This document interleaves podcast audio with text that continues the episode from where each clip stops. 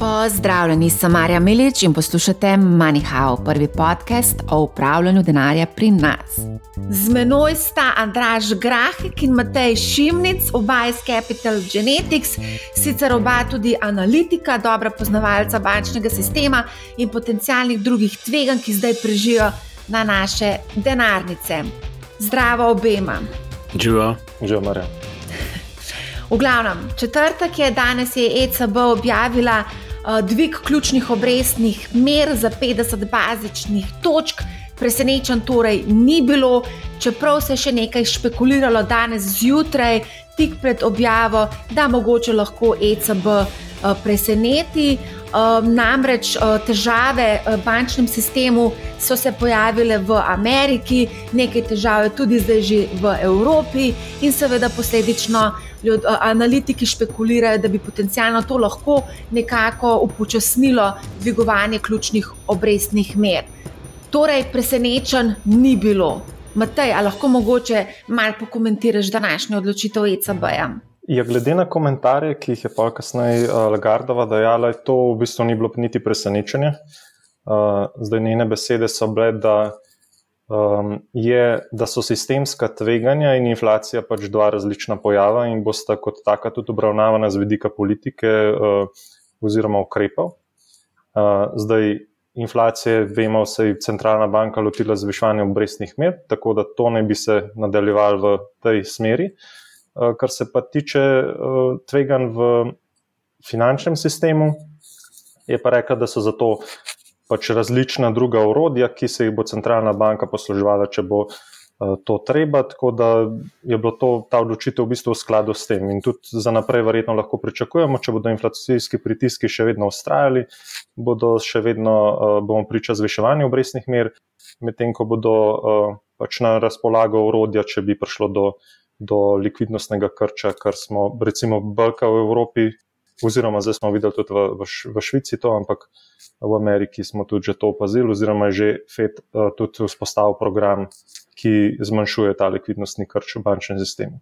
Um, ena izjava je pa vseeno mečkani izstopala in sicer Kristin uh, Lagarde je v luči vsega tega, kar se dogaja čez lužo in tudi s Credit Suisse, o tem bomo malce več kasneje povedali, uh, je napovedala oziroma povedala, da bo ECB stala banki, uh, bankam ob strani in napovedala tudi pomoč v primeru uh, težav. Moram iskreno priznati, da sem se tukaj spomnila na našega Roberta Goloba, ki je nedavno na, na, na, na podeljevanju nagrad gospodarske zbornice podjetnike, vse tiste, ki bi se znašli v težavah, povabil v javni sektor. Se pravi, zdaj vsi kar nekako ponujajo neko to varnostno blazino. Andraš, kako ti gledaš na to, da ni nobenih problemov, bo država pomagala, bo centralna banka pomagala, ni panike? Kako se to financira potem iz kje. Jaz bi rekel, da Robert Golob, uh, z vsem spoštovanjem, ni izumil te retorike. Mislim, da so centralne banke zelo vešče te retorike, da bojo pač varovale finančno stabilnost pač z neko monetarno politiko in to likvidnost zagotavljalo trgu, če bi prišlo do sistemskih težav, ne, take in drugačne narave. Se v končni fazi se je to več kot potrdilo z pač, tem, kar se je v ZDA dogajalo in z v bistvu, bom tako rekel, nadzorovano likvidacijo pač Silicon. Silicon Valley Bank in Signature Bank. Tako da v bistvu mislim, da tukaj je ta retorika dost tako sinhrona in so vsi kajni veseli papagaji in to ponavljajo že tak, ne vem, od finančne krize zagotovo, v, odkar smo izumili quantitative easing in različne druge programe, ki grejo tudi v smer odkupov nekega premoženja, kjer, se na nek način zagotavlja stalna likvidnost kot podpora trgu, kot ta tako imenovan Fed put v končni fazi, kjer eh, tako, tako imenovani pač torej, centralne banke vstopijo, posežejo na trg, kjer je problem likvidnosti na sistemskem delu, uh, tam, kjer je veliko naložb in mogoče se kaj zatakne. Ne. Tako da tudi vidimo. Pač, jaz mislim, da je to tudi odgovor na to, kar se je dogajalo okrog Credit Suisse in te likvidnostne linije, ki je Credit Suisse dobila torej 50 milijard. Tako da jaz mislim, da, kle, da so relativno usklajeni no, centralni bankiri in se zavedajo, da na eni strani imajo zdaj še eno nalogo, ne, poleg uh, bitke z inflacijo, tudi varovati finančno stabilnost. Uh, In v tem trenutku še vedno obstaja nek pogled, da to je pač vem, te banke so bile pač na nekem skrajnem. Ko bi rekel, intervalu, če se tako izrazimo, nekih uh, neravnotežij, in to je zdaj to, in potem gremo lepo naprej. No, lepo naprej. Pejmo. Zdaj, hotela sem najprej, da bi šli malce čez lužo, ampak zdaj si omenil Credit Suisse in seveda moramo ostati pri Credit Suisse. Um, zanimiv uh, šef uh, uh, Credit Suisse nosi zanimivo uh, ime in sicer se imenuje Alex Lehman. Uh, zdaj je to mogoče se nekdo spomnil, potem, ko sliši ta primek tudi na propadlo ameriško banko Lehman Brothers. Nekaj so se spet obujali spomini na propad te ameriške banke leta 2008, potem smo prišli tudi v finančno-gospodarsko krizo, to je bila ena največjih kriz sodobnega časa. Mogoče lahko pokomentiramo, kaj se je sploh zgodilo s Credit Suissom. Omenil si že, da je centralna banka Švice priskočila skočila na pomoč s 50 milijardami, ampak pojmo malo nazaj, kaj se je zgodilo, uh, Matej, lahko ti mogoče na kratko povzameš. Je dejansko bil Credit Suisse že, že zdaj zadnja leta, je, je bil v nekem uh, obdobju restructuringa oziroma uh, preoblikovanja poslovanja, čiščenja in vsega skupaj in iskanja nove poti, ker je bil upleten v številne uh, škandale, tako na. V Veliki Britaniji, kot uh, 2021, mislim, da je bil ta uh, Arhelagos Capital, kjer so v bistvu dejansko niso preverjali uh, leverage tega hedge sklada in so bili potem zadnji, ki so šli pri likvidaciji tega portfelja ven in tam izgubili 5,5 milijarde uh, dolarjev. Tako da so cel kup nekih takih dogodkov je bilo, ki so kazali na to, da dejansko banka nima pod nadzorom teh notranjih uh, tveganj. Eh, izgubljali so tudi na kapitalu. Eh, potem so bile še govorice, da, da v bistvu njihovi finančni izkazi niso točno taki, kot bi morali biti, oziroma da se notar zakrita določene tveganja in da bodo to potencialno mogli razkriti. Zdaj vemo, da, eh, da je bil švicarski finančni sistem. Se je odprl z vidika te anonimnosti, to se pravi, ni več uh, tako zaščiten, kot je bil včasih, še vedno pa švicarske banke ne razkrivajo vsem državam vseh podrobnosti o svojih klientih. Tako da vemo, da, da je kar verjetno kar nekaj denarja tudi na, na kredit Swissu, ker posamezniki verjetno niso želeli uh, kasneje v primeru kakršnih koli težav uh, vlagati uh, svoje zahtevke za terjatve. Tako da je precej pričakovano je denar začel v določenem trenutku, pred nekaj meseci, odtekati iz, iz banke. Uh, to je jasno pač uh, težava, ker uh, ko enkrat depoziti začnejo odhajati, uh, je na drugi strani so obveznosti, ki mogoče niso časovno usklajene in to vodi v težave. Zdaj iskali so tudi. Uh, um, v bistvu izvedli so tudi dokapitalizacijo, ampak eh, jasno, ko se enkrat začne bankrana, je, je lahko banka še tako kapitalsko močna, je, eh, so te tokovi premočni za, za to bančno mehaniko, ki mora imeti neko. Velja na podlagi nekih statističnih odnosov oziroma nekih uh, uh, povezav, in če se to podre, je ne mogoče to ustavljati. Um, zdaj si povedal zelo veliko zanimivih zadev, pa preden gremo na Bankran in bomo natančno tudi pojasnili, kaj to je, bi pa vseeno rada tukaj omenila eno zelo zanimivo prakso bank, prav um, Credit Suisse, še zlasti Credit Suisse. Um, pa bom najprej omenila um, primer, ko sva se pogovarjala z Blažem Hriberjem iz pokojninske družbe A um, je v bistvu pokazal s prstom na FTX in druge uh, kripto scene, ki so se dogajale, pa sem ga upozorila, da tudi v bančnem sistemu je zelo veliko bank z zelo veliko grehi in Credit Suisse je sploh znana po tem, da zelo rada odkupuje odpustke. Na zadnje se je pogodila za 238 milijonov evrov zaradi pranja denarja in nekaterih goljufij, eh, ki so se dogajale v letih 2005 do 2012. Andraš, ali lahko ti mogoče malo poveš, pa tudi konec koncev Silicon Valley Bank je tudi imel neke čudne prakse, pa mogoče lahko malo pokomentiraš, kako banke in ESG in vse to, kar se ga grejo, kako to funkcionira. Ja, kot vidimo, ne funkcionira najbolj. pač vidimo, da slabo funkcionira. Da v bistvu imamo neka pravila in pač ok. Treba je tudi razumeti, ne, da pač te banke poslujejo po celem svetu. Ne, tako da bilo že čudno, če ne bi v globalni ekonomiji bile kakšne packarije. Sam pač ja, potem se to ugotovi in pač ne prehaja do rekel, ustreznega nadzora ali v neki regiji, mislim, ker tukaj, itak, te, tukaj so se filmi snemali, se to vemo, recimo mehiški karteli in Mehika, recimo, in take stvari, in tudi druge.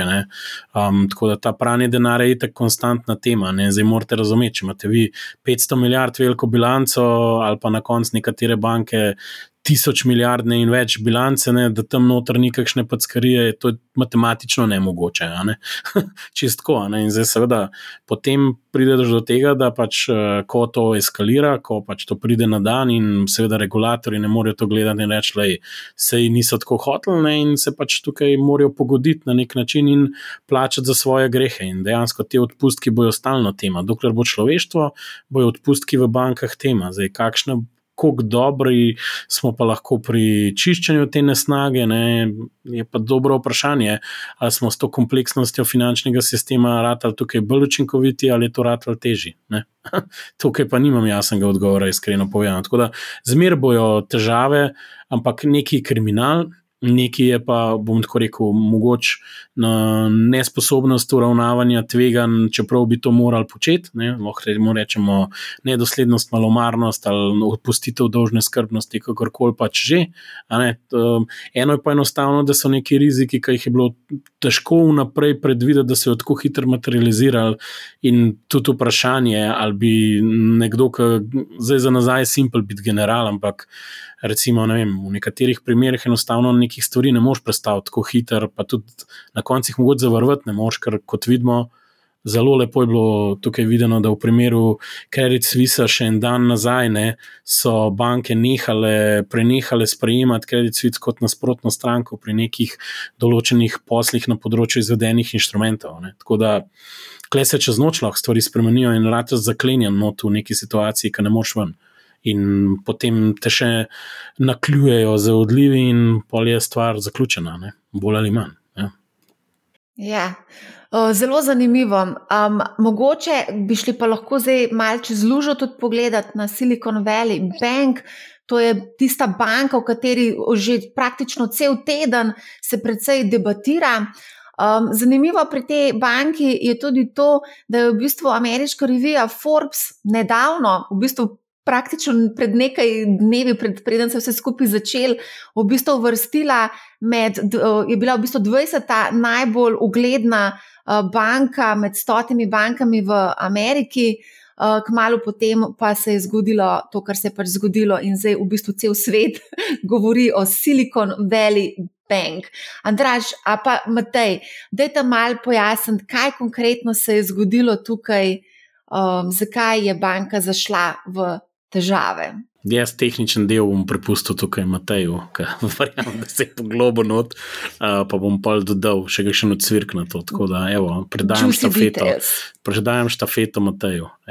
Mislim, začetek mislim, da je bil to, da je da v resnici Silicon Valley Bank že, že leta nazaj uh, lobirala za to, da so se uh, določeni. Um, Eh, parametri uh, strani regulatorja spremenili, tako da so uh, v bistvu niso bili tok, kljub svoji velikosti, meso 200 milijard dolarjev veliko bilanco, niso bili regulirani uh, močno kot recimo JP Morgan, Citigroup in tako naprej. To se pravi, niso spadali v večje banke. V preteklosti je bilo to na 50 milijard, ta meja, zdaj je na, mislim, na 250 in tej meji so se uspešno izogibali zadnja leta.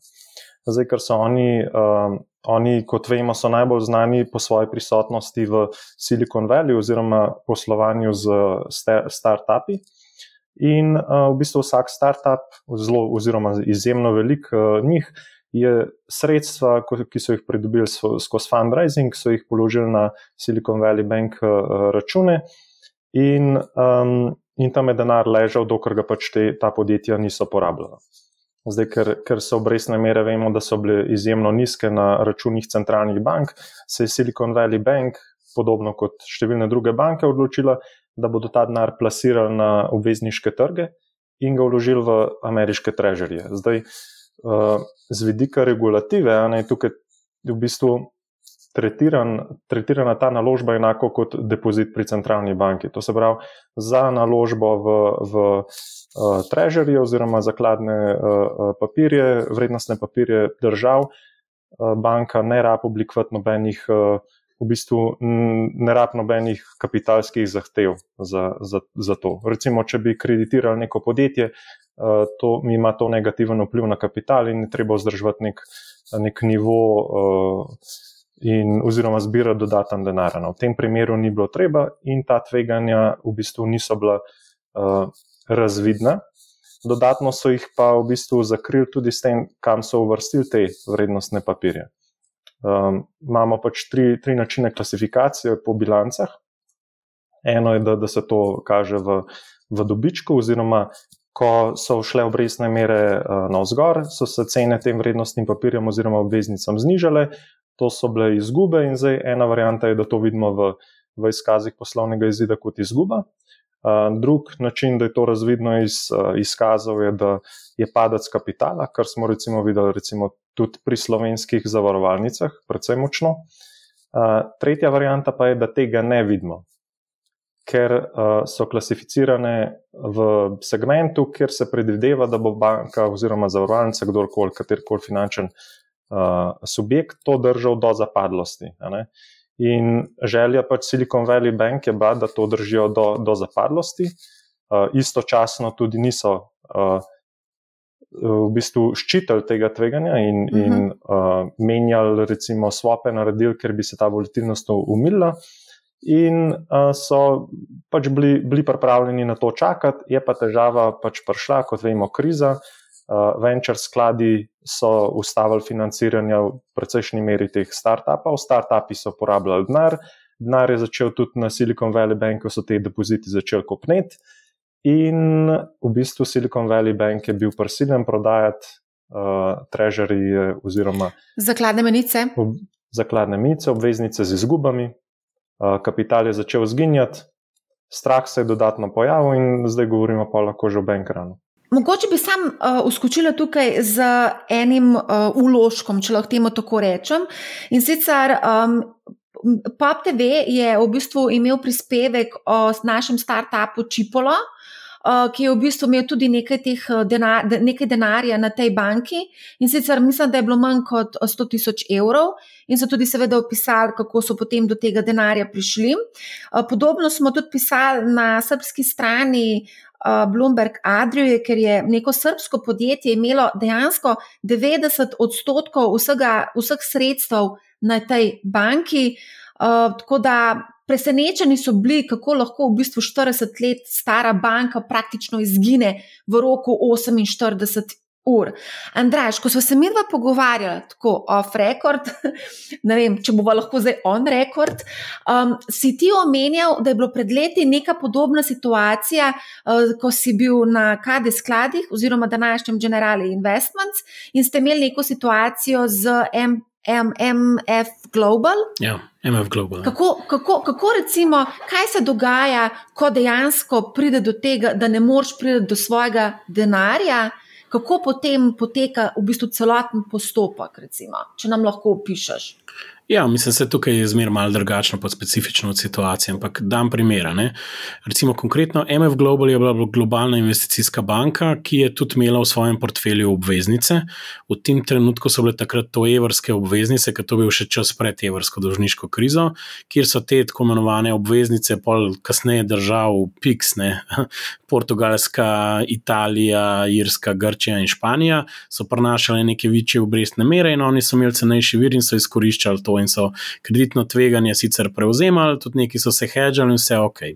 Zdaj, konkretno tam je bil odprt račun za, za derivative, ki je bil namenjen ščitanju osnovnega delniškega portfelja. To pomeni, da je neki denarja bilo tam gor, niso bili to tako visoki zneski, to so bile tudi kasneje bilo to javno objavljeno, kako je to bilo in razkrito, tako da ni to neka huda skrivnost. Ampak kar se je zgodilo takrat, je to, da smo imeli neki denar za poravnavo na, na računu, ker ga vedno moraš imeti, ker kaj ti imaš delnice obveznico, hočeš zmanjšati volatilnost, kupiš pod opcijo, zmanjšaš ta nihanja in tako uravnavaš lahko tudi nihanja točke web sklada. Neki denar je bilo zmer gor, zato da smo lahko, če smo želeli, kupili pod opcijo in poravnali. In zdaj, kaj se nam je zgodilo?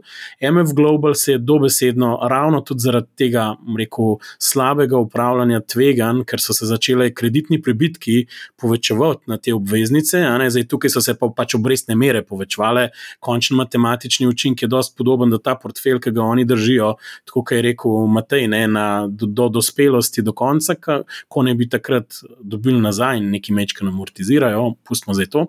V glavnem, tukaj se je isto zgodilo, da ta, ta mismet se je zgodil in so mogli oni. Zaradi pač nekih specifičnih, tudi spet odlivov, pa drugih obveznosti, ki so se dogajale, enostavno poknjižati in so nastale izgube. In potem se je začelo dogajati, da imajo premalo kapitala, In uh, ker so imeli premalo kapitala, seveda to sledi do kapitalizacije, ampak pa ljudje začnejo brskati, koliko imate vi te robe, in so seveda ugotovili, da je bilo toliko teh obveznic, če bi jih oni poknjižili, ali pa če zbankrotira, ne vem, Grčija ali pa neke druge države, v teoriji tudi kapitala ne bi imel več MF Global, ker moramo se zavedati, da banke so, z, so finančne inštitucije z visokim zvodom, praviloma imajo mogoče tako. No? Če zdaj čisto matematično povemo, pa ne gremo v logiko bančnega obteževanja, tvega mogoče imajo 5% kapitala v celi pasivi, tako, tako poenostavljam zdaj. Ne? Ali pa od 5 do več kot 10 ga zihrnimo. No? Dajmo temu tako reči, računovodsko gledano, torej kot številka matematična. Ne? In zdaj, seveda, če se sredstva zmanjšajo matematično za 10 tega kapitala, zdaj pa zelo poenostavljam, ni več. Zdaj, če je to prihodna situacija, malo za njih ni problem.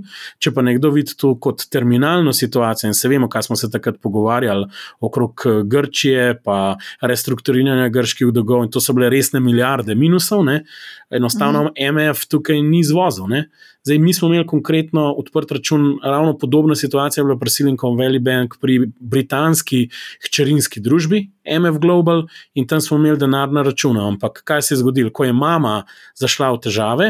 Uh, se je tukaj zgodilo to, da so tam pa ni bilo tako, da so šli reševati vse deponente. To pomeni, da niso rekli, bomo kontrolirano likvidirali banko in zagotovili celotno poplačilo za vse deponente, oziroma za vse, ki imajo denar na računih. Um, ampak so se je šlo samo ameriške gledati, ne, ločeno do tistega zneska, ker smo pa mi bili v Veliki Britaniji, se v tistem primeru Velika Britanija ni odločila, tako kot v primeru Silicon Valley Banka, da bo reševala, uh, tudi, oziroma da bo iskala rešitev in jo našla za UK subsidiary, kar pomeni, da smo končali v receivershipu. Receivership je oblika nadzorovane likvidacije, ker ti dobiš, tisti, ki so zavarovani, dobijo nazaj pač to, kar je, tisti večji zneski pa pač dobiš, glede na pač vrednost, ki je.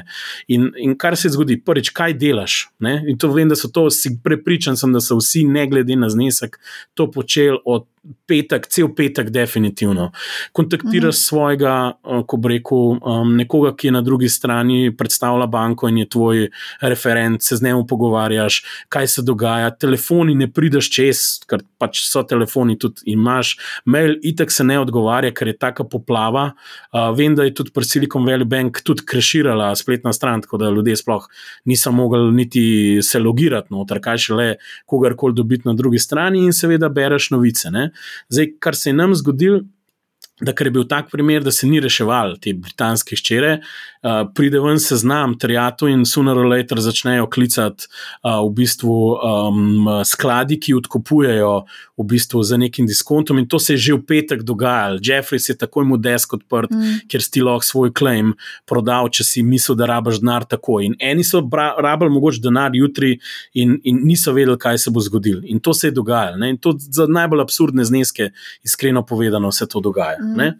Zdaj pa je bilo pa malo drugače pri Silicon Valley Bank. Tako da uh, pri Silicon Valley Bank na koncu je bil happy ending, kitek za vse. Uh, ker v bistvu je bilo jasno, da v zadju je bil večji problem kot sam Silicon Valley Bank, ker je bila še ena banka, ki je dobesedno je bila na tnalu, da propade, pa še First Republic, ki še danes ima težave in tukaj so videli večji problem in zato so tudi reagirali tako, kot se reagira. Če pa si mislili, da je to sam Silicon Valley Bank, ne bi se zgodilo to, da bi bil trara lep ponedeljek in bi bi vstopila FDIC, prenesla depozite na novo entiteto, zagotovila likvidnost in dostop vsem do denarja. Tako vsi so trepetali. Okay. Ja.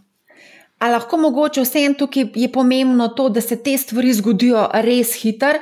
To smo videli tudi na primeru Sberbank, ki je bila situacija praktično čez vikend rešena in v bistvu ni bilo sploh možnosti, da bi prišlo do bankrana, ker se je vse tako hitro zgodilo in ljudje v bistvu sploh niso praktično čutili, da je dejansko Sberbank eh, zapira vrata.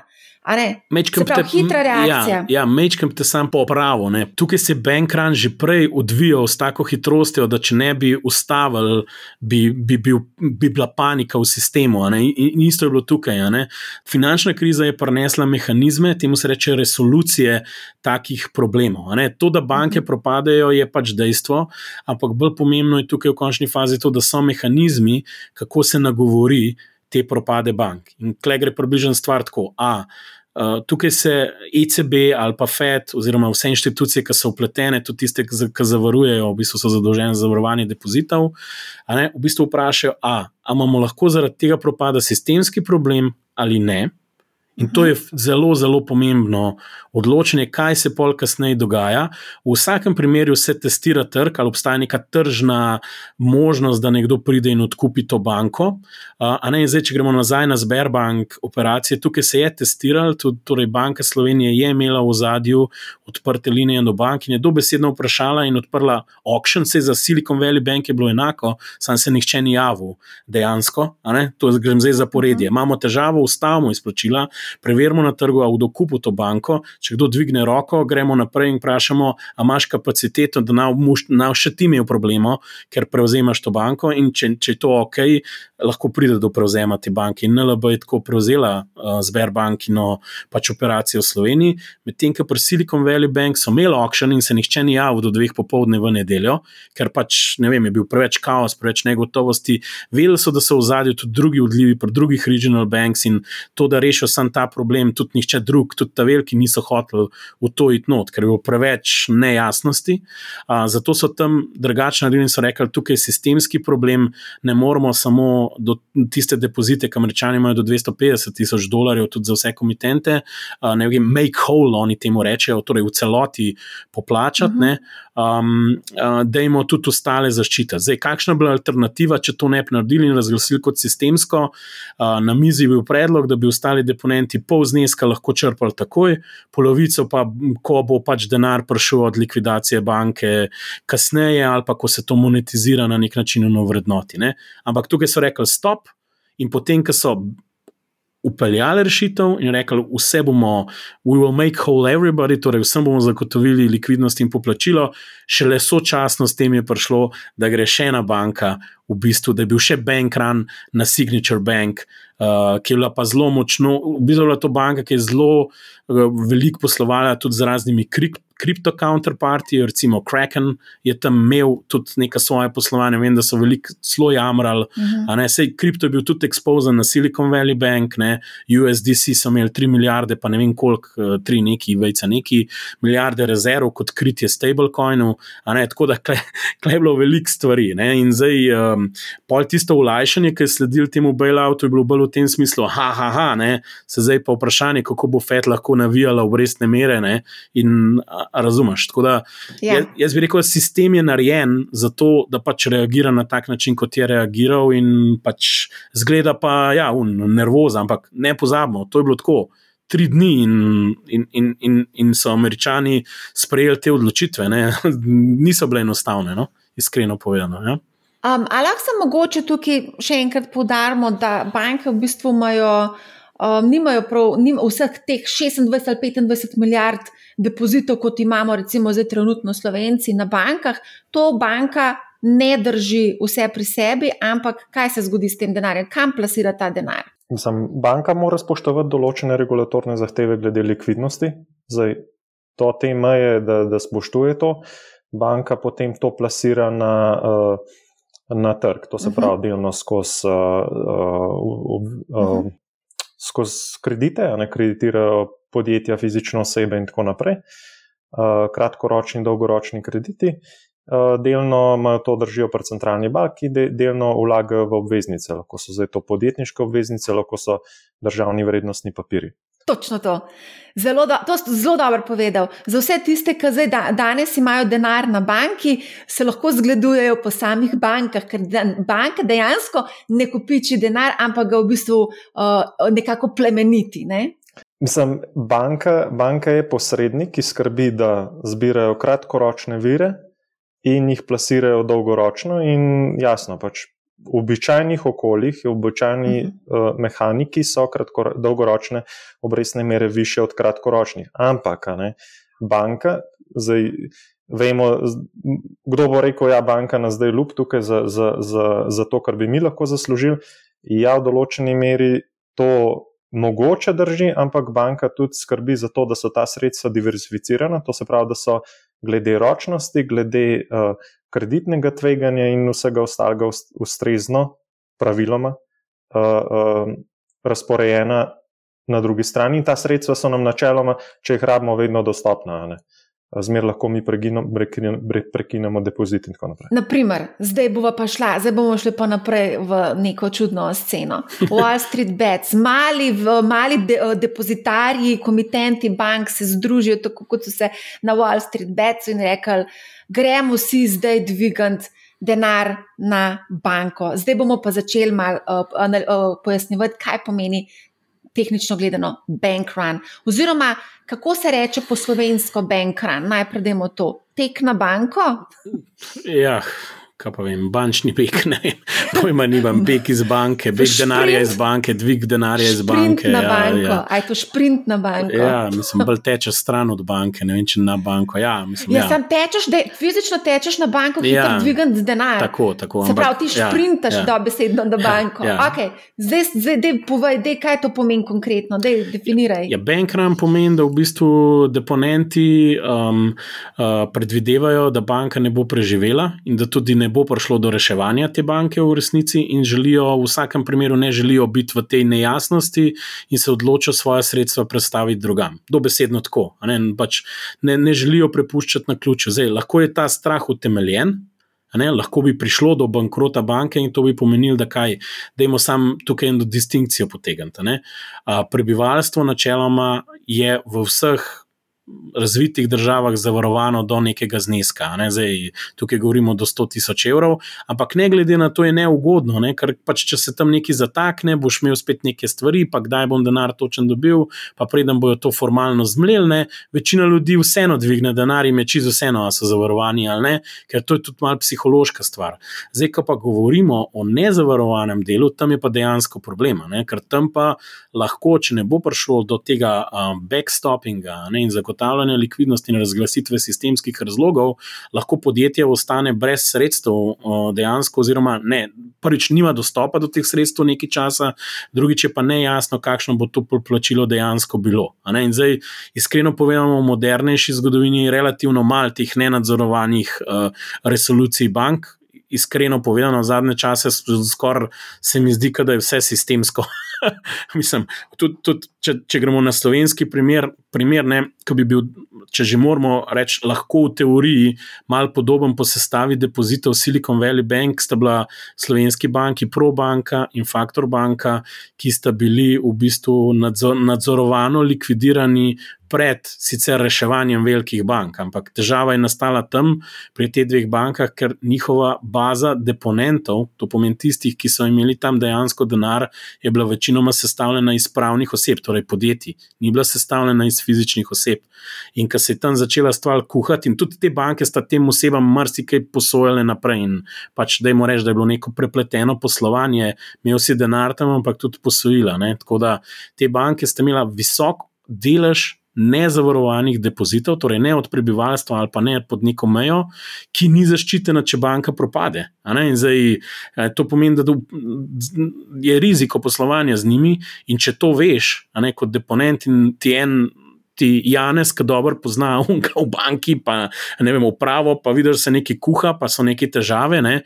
Prvi začne bistveno hitreje, to hočem reči, se odvije odliv denarja v taki banki, ker te subjekti so bistveno bolj povezani med sabo in kaj en začne, pa Peter Thiel vzame ven denar iz Silicon Valley Bank in sem razstrop, da je denar ven nazad. To je tako, pol je vprašanje dni, ker se je, mislim, da v četrt, a se je v četrtek zdel ven 42 milijard v enem dnevu, pa je pa i tak server počepno. Jaz sem bral malo te članke, kaj se je dogajalo, ker so imeli neke, ne vem, startupi so imeli neke konference in so vsi sami na telefonih bili in hoteli denar premikati. To je bilo že v, ne v sredo četrtek. Tako da mm. to se ful hitreje odvija in ta konc reagira bistveno hitreje kot neko prebivalstvo, če ne vem, pol depozitov, recimo, čez prebivalstva. Ne. Tudi jasen je, recimo, mogoče sam to je ful pomemben, sam to bi rad poudaril. Če je neka banka deklarirano sistemska, je to popolnoma druga zgodba. Ne? Če govorimo o sistemskih bankah v Sloveniji, zdaj, če največji dve naštejemo, kot pač če govorimo zdaj o NLB-ju, pa NKBM, oziroma zdaj že z SKBM, del OTP skupine, to so vse sistemske banke. Tam veš, da država bo morala posežti in to je samo vprašanje na kakšen način se bo to zgodilo. Kle, kle pa še en twist, če hočete, ker EU ima tudi tukaj nek koncept deljenja bremen pri reševanju teh sistemskih bank, in lahko bi se tukaj pri deponentih, sicer ne, ampak pri nekih drugih inštrumentih. Lahko zgodilo, da pač bo, ne vem, se to izbriše, to smo imeli v preteklosti, ker s tem se prispeva pač k reševanju banke, da sam država vse ne zagotovi. Edini primer smo imeli, kaj zelo, ker ne vem, če ga je EU pripravljeno na ta eksperiment ponoviti, je bil pa v Cipru, kjer so deponenti dejansko delno bail-in naredili, se temu reče. Torej, del njihovih depozitov je bil uporabljen za rekapitalizacijo uh, bank, uh, se zdaj natančno, se spet ne spomnim, v kakšnem obsegu, ampak tam so šli tako delač in so bail-in iztisnili ven, in to je bil unaha moment. Ja, ka, a to bo zdaj kar standard v EU, ampak ne vem, če se upajo to ponoviti. Ja. Kaj pomeni konkretno bail-in? Bail-in pomeni, da v okviru reševanja tudi sistemske entitete, uh, depoziti ne ostanejo nedotaknjeni in poplačani v celoti, ampak morajo ti nezavarovani deponenti, torej ne tisti do 100 tisoč evrov, čeprav tam bilo še to, po mojem, mislim, da je nad 100 tisoč evrov bilo sicer, uh, del svojega depozita pretvoriti v delnice banke in jo s tem v bistvu dokapitalizirati. To je v bistvu, da jim tako reči, prisilna konverzija na kup delnic banke z namenom stabilizirati banke, zato da bomo vsi skupaj dejansko denar dobili nazaj. S tem v bistvu ti preprečiš bank run in ljudi še narediš delničarje banke.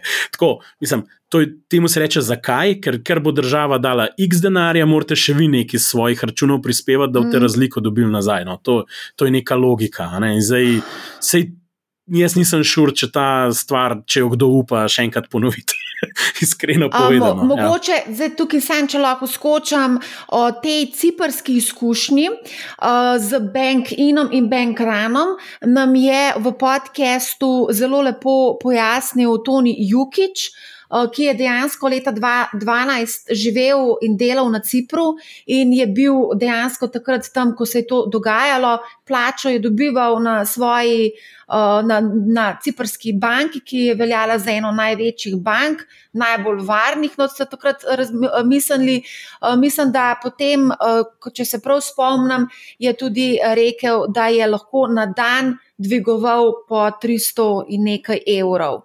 Um, tako da to epizodo zelo priporočam, da poslušate. Toni Jukič nam je razložil tudi razne trike vseh teh borznih uh, posrednikov, uh, ker je pač tudi sam bil zaposlen pri borznem posredniku. Smo pa tudi naredili eno zelo zanimivo debato, uh, Manihau Live, o lekcijah in bojnih ranah investiranja z Damienom Merlakom, Andražem in pa Tonijem Jukičem. Mislim, da je ta epizoda bila tudi ena taka zelo, zelo zanimiva, vse od, od Dubaju ekscesih, o balonih, eh, v glavnem. Mislim, pač. da smo v stranišču končali na koncu, če se prav spomnim. Ja, na koncu, točno. Ja. Ja. Kaj je že bilo stranišče? Vem, da je nekaj razlagal, to je to ni Mislim, da je bila ena pritožba neki povezana, ampak pustimo zdaj to. Ne si grejo Stra... poslušati, pa jo videli, kaj je fora stranišča. Neka str straniščna zgodba. Ja, ne smeš preveč razkriti, to je brez veze ja, zdaj. No, pač, ja, no. ja, ja. Bom pa dala link na to epizodo, ja, da ja. bojo ljudje šli lahko gledati. Uh, ko si omenjal jamstveno schemo, 2014 je prišlo do neke korekcije te jamstvene scheme, torej velja 100 tisoč evrov za, uh, je jamstva za naše uloge. Iz 20 dni so se se, je skrajšalo rok izplačilo na sedem delovnih dni uh, in tako dalje. V glavnem, uh, to je vse zelo lepo pojasnjeno na spletni stranki, ba, uh, stranki, strani, na spletni strani Banke Slovenije. Tako da si pojete pogledati, samo vtipkajte v Google jamstvo za vloge v bankah, Banka Slovenije in boste prišli do vseh informacij. Uh, zajamčenih vlog, recimo, samo to kot zanimivost leta 2021, decembra 2021, je bilo skupno za 24,37 milijarde evrov, zdaj pa tam neki 25-26 milijard, uh, če se prav spomnim. V glavnem, ok, um, kaj bi lahko še povedali o tej bančni uh, drami? Um, mogoče lahko vidva, kaj sugerirata, uh, kaj se bo dogajalo zdaj, kako bo to vplivalo, kako to vpliva dejansko na naše banke, na banke, uh, v našem bančnem sistemu, v Evropi, kaj lahko pričakujemo tukaj? Za vso to zgodbo čez lužo, ki se je dogajala, pa s Credit Suissom.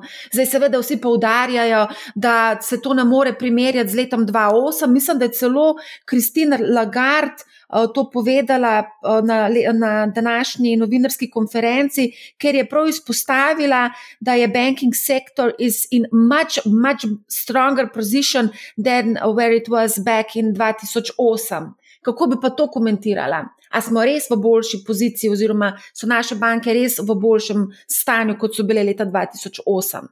Jaz mislim, da so, mislim, ne bi bile. Uh, banke, Banke so v boljšem, so v boljšem stanju, tudi mehanizmi so bili vzpostavljeni. Uh, videli smo tudi pri NLB-ju, so bile izdaje uh, podrejenih obveznic in tudi MRL obveznic, ker pač so se vsi sprašvali, ja, zakaj pa so to. Ja, z pa, določenim pazi. namenom, uh, z določenim namenom so, so tudi MRL obveznice, ki ravno to preprečujejo ta uh, bailin. Uh, Vidimo, da centralne banke so že takoj začele odgovarjati na te zadeve.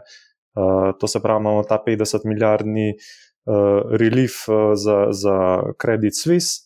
Imamo tudi FED je naredil nov program, kjer po par vrednosti, to se pravi po uh, vrednosti, po kateri so bile izdane obveznice, prevzema uh, državne, ameriške državne vrednostne papire in na ta način omogoča komercialnim bankam, da pridejo do likvidnosti in na ta način želijo um, pomiriti javnost.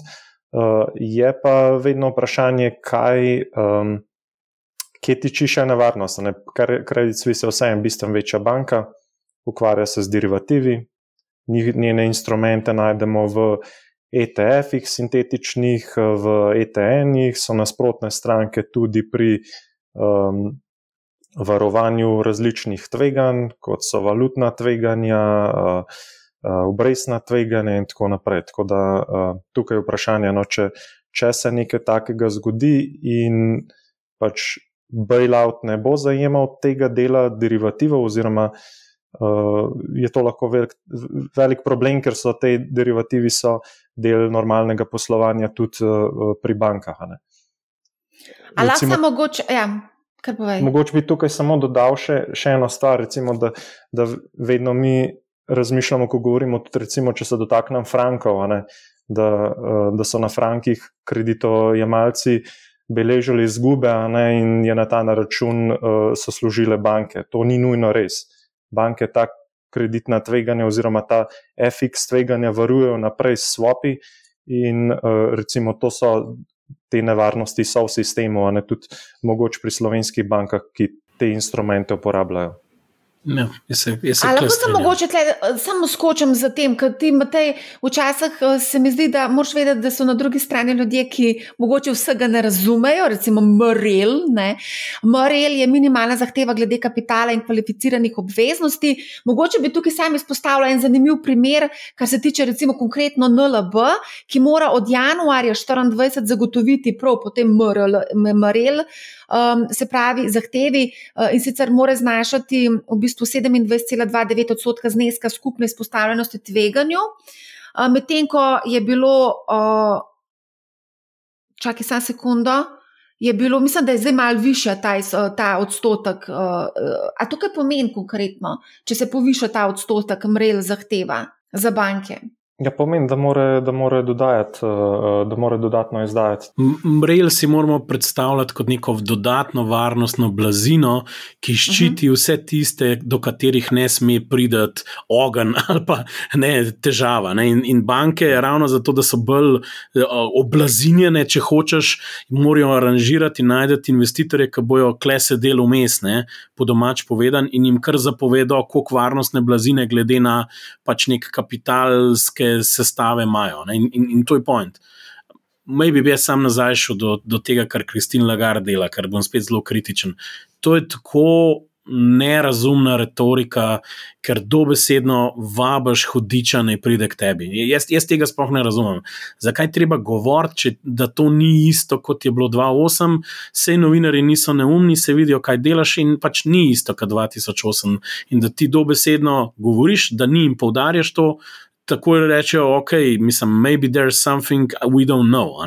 Tako da jaz bi vklejal raj tih in rekel, bi se sfokusiral na inštrumente, ki jih imaš, na to, kar delaš, pokazal je pa tako. Zvišanje cikla obrestnih mer v ZDA je bil hitrejši in se je hitreje dogajal kot v Evropi, oziroma v evroobmočju. Jaz pravim, vsak tak zviševanje ciklov obrestnih mer bo, če bo trajal dlje časa, povzročil bolečino in naplavil vem, trupla po reki. Ne, dobesedno, ker bo nesnago razgalil in, in lahko težave. Dlje časa trajajo, več bo trupel. Zdaj, to, da v Evropi nimamo kvazi nobenih težav, ne, razen Švicarji jih imajo, jaz te zgodbe absolutno ne kupam in to je en velik bullshit. Um, tako da vprašanje je samo, ali so te mehanizmi, ki jih imamo, dovolj pripravljeni in da bo ECB dovolj hitro reagirala. In recimo smo imeli en test z ruskimi bankami, ki so se zelo hitro odvile stvari in kvalitetno, in treba pohvaliti, kako se je to zgodilo, iskreno povedano, tudi Banko Slovenije. Ampak ne moramo trditi, da tukaj pa res ni možnosti nobenih zapletov pri nobeni od bank v evrskem območju. Jaz mislim, da če se danes smejimo američanom, se bomo mogoče okali čez šest mesecev, ko je ven udaralo v Evropi, če bomo to tako jemali, tukaj se pa nič ne more zgoditi. Kredit uh, Suisse, ja, se strinjam, je pač imela neke probleme že dolg čas, ampak iskreno povedano, če v te Deutsche Bank tipkali noter, v njih imajo tudi že dolg časa probleme, pa še pa še kdo drug, pa ne bomo šli v, v, v to noter. Ne? Tako da pač samo pravim, kle, kle, kle ne bojo kar raj pripravljeni, če se kaj zakuha, uh, just in case, ker dokler se obrestne mere dvigujejo. Je lahko težava, ker dokler, dokler derivatives market deluje brez težav, mogoče to ni išil, ker se pa začne izpostavlja težavo counterpartija, je pa edini način, da to unwindaš, da greš na cash market, se temu reče. In tam je pa išil rata, ne? ker takrat bojo pa vsi eh, laufali dol in bo mogla centralna banka dati likvidnost not. In recimo Fetijo je, tako kot je rekel Matej, z odkupi ad par, torej po nominali. Po izdajni vrednosti, recimo, to je že en način, koliko likvidnost daš skozi neko okno. Skozi. Tako da jaz nisem tako jaz ne bi držal kledaha, da čist nobene težave ne more nastati v zahodnoevropskem sistemu bančnih uh, skupin z kompleksnimi izpostavljenostmi. Jaz, jaz tega ne upam trditi. Jaz mislim, da je to pač uh, treba vsem biti mal bolj mal previden. No? Ja, sam se veš, da oni ne smejo komunicirati na, na, na tak način. Ja, se zato ne bi... pa ne govori, da ni isto, kot leta 2008. A veš, kaj hočem reči, ker se takoj začne primerjavo v glavi novinarjev in začnejo vrtati. Res, ful, neposrečeno. No? Res. Ja. Vsi v bistvu nekako smo zelo pozorni na besede Kristin Lagarde, tudi na koncu koncev Pavla, v sredo, naslednji teden, ima, se bo za FED odločil, ali bo dvignil ključno brezne mere ali ne. Kaj, kaj bo naslednjo sredo? Jaz sem mogoče, če dodam še eno stvar, se je en, ena taka. Uh, kompleksnost je tudi, uh, so bili komentarji, ja, če bo, če bo Lagardova uh, zdaj znižala, oziroma ne bo zvišala obrestne mere, to pomeni, da je nekaj hudo na robe. da, v bistvu zdaj ne vemo, ali je zvišala zaradi tega, ker noč ni na robe, ali zvišala zato, ker nekaj je. Hočeš konspirati. Noče... Zvišali so, da jo banke lahko še ne par mesecev služile na visokih obrestnih merah, da smo mal kapital popravijo, kaj je toliko problemov noter. tako da, lej, mislim, kaj je depozit na tri, ne? Ampak, tako da, lej, to je kar lepa razlika ne, za tiste, ki še zmeraj nulo plačujejo, tako da živijo. ampak, ampak.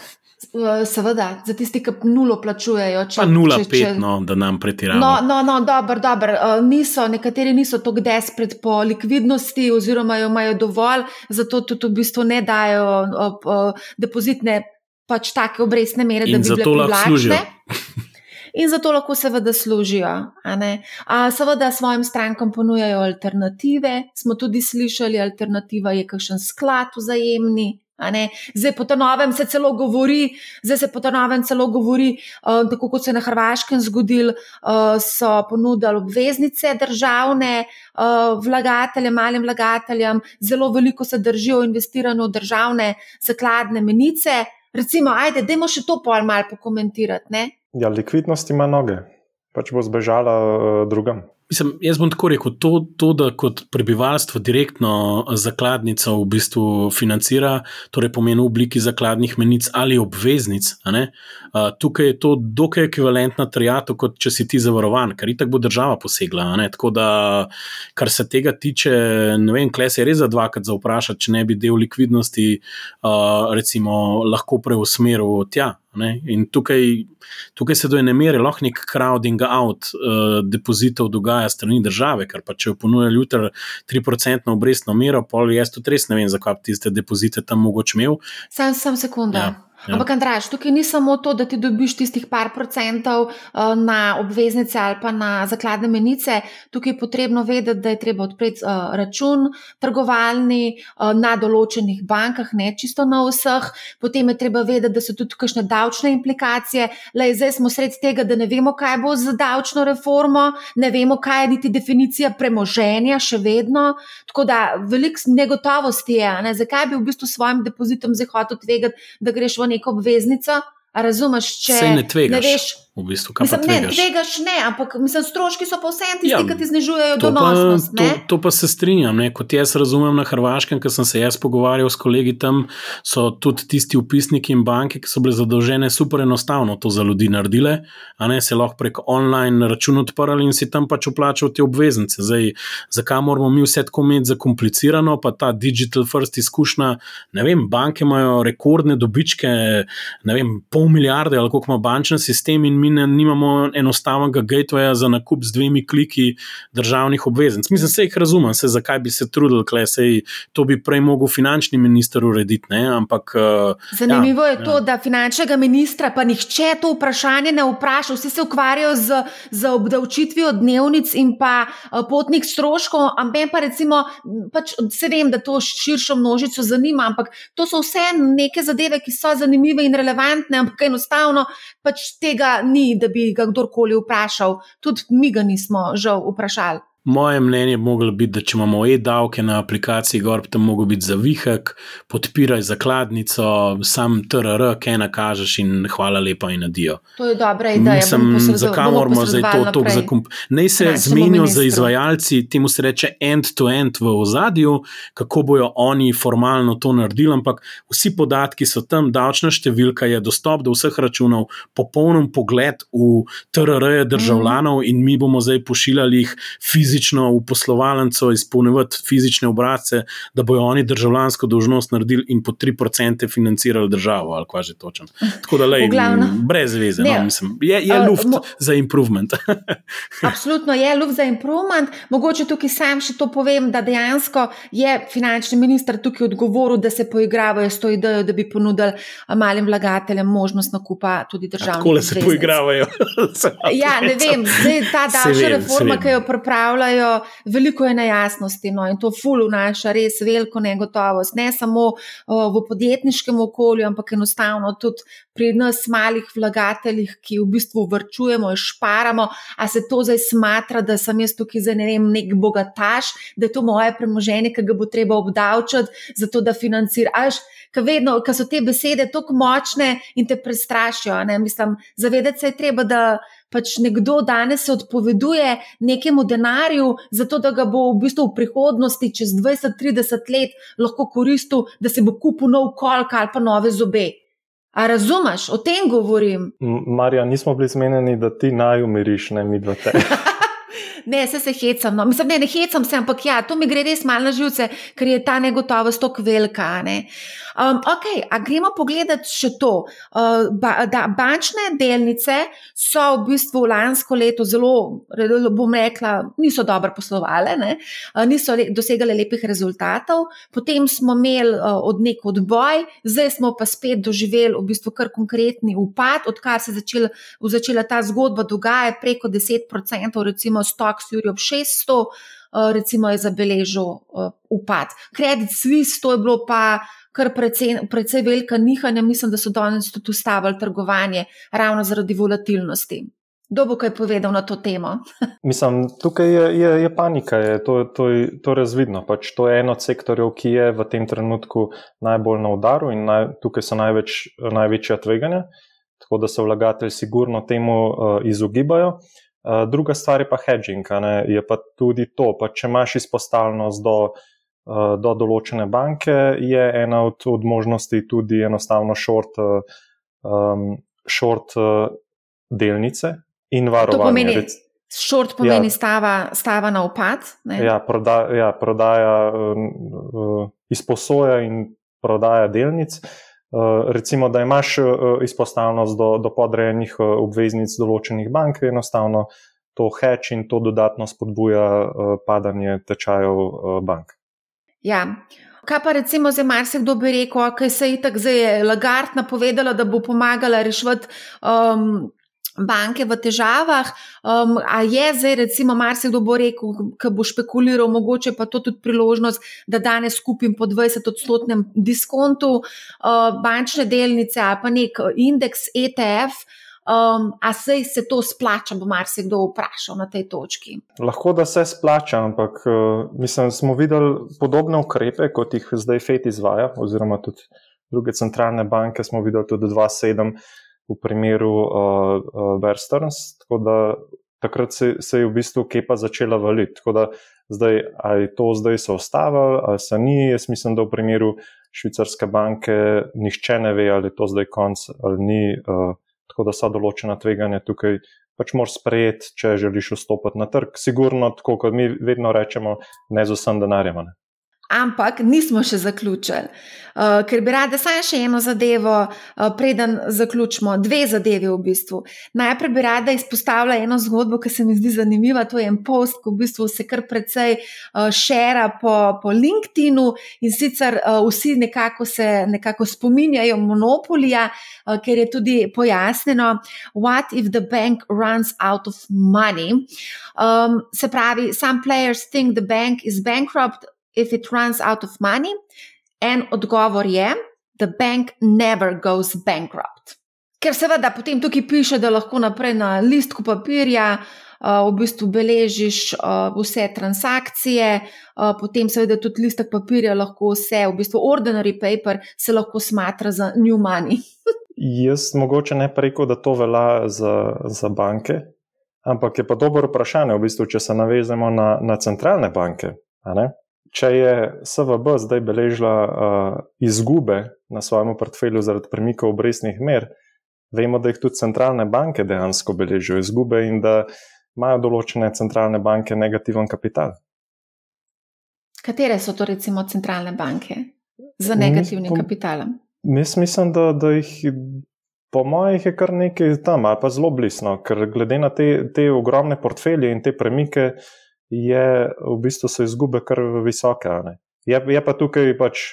Uh, um, Vseeno te banke ne bodo beležile bankrana, oziroma tukaj pa res to drži, kar si ti pač prebrala, da na listek papirja napišeš in je, in je to to. In počakaš, da ti dospe obveznica. A je monopoli centralna banka ali je monopoli poslovna banka? Centralna banka. Očitno je centralna, če lahko tiska denar neomejeno.